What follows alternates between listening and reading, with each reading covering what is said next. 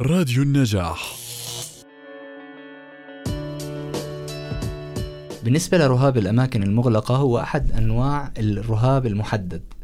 يعني إحنا عندنا أنواع من الرهاب في نوع الرهاب ال- الرهاب الساح بنسميه في المخاوف المحددة أو الرهاب المحدد. أكثر شيء بنسميه ال- المخاوف المحددة.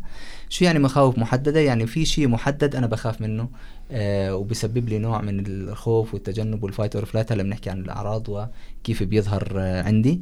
لكن هو بالدرجة الأولى بدنا نعرف إنه خوف محدد بشيء معين والشيء المعين اللي أنا بخاف منه هون هو الأماكن المغلقة. أماكن مغلقة ممكن تكون مثلا الغرف المسكرة ممكن أو يكون الأسانسير. الأسانسير وهو الأكثر شهرة.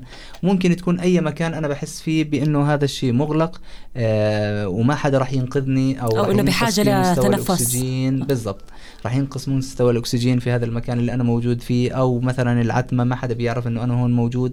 مجموعة من الأ- ال- الأفكار اللي بتيجي في بالي بتخليني بيرتفع عندي درجة الخوف لما أكون في هذا المكان.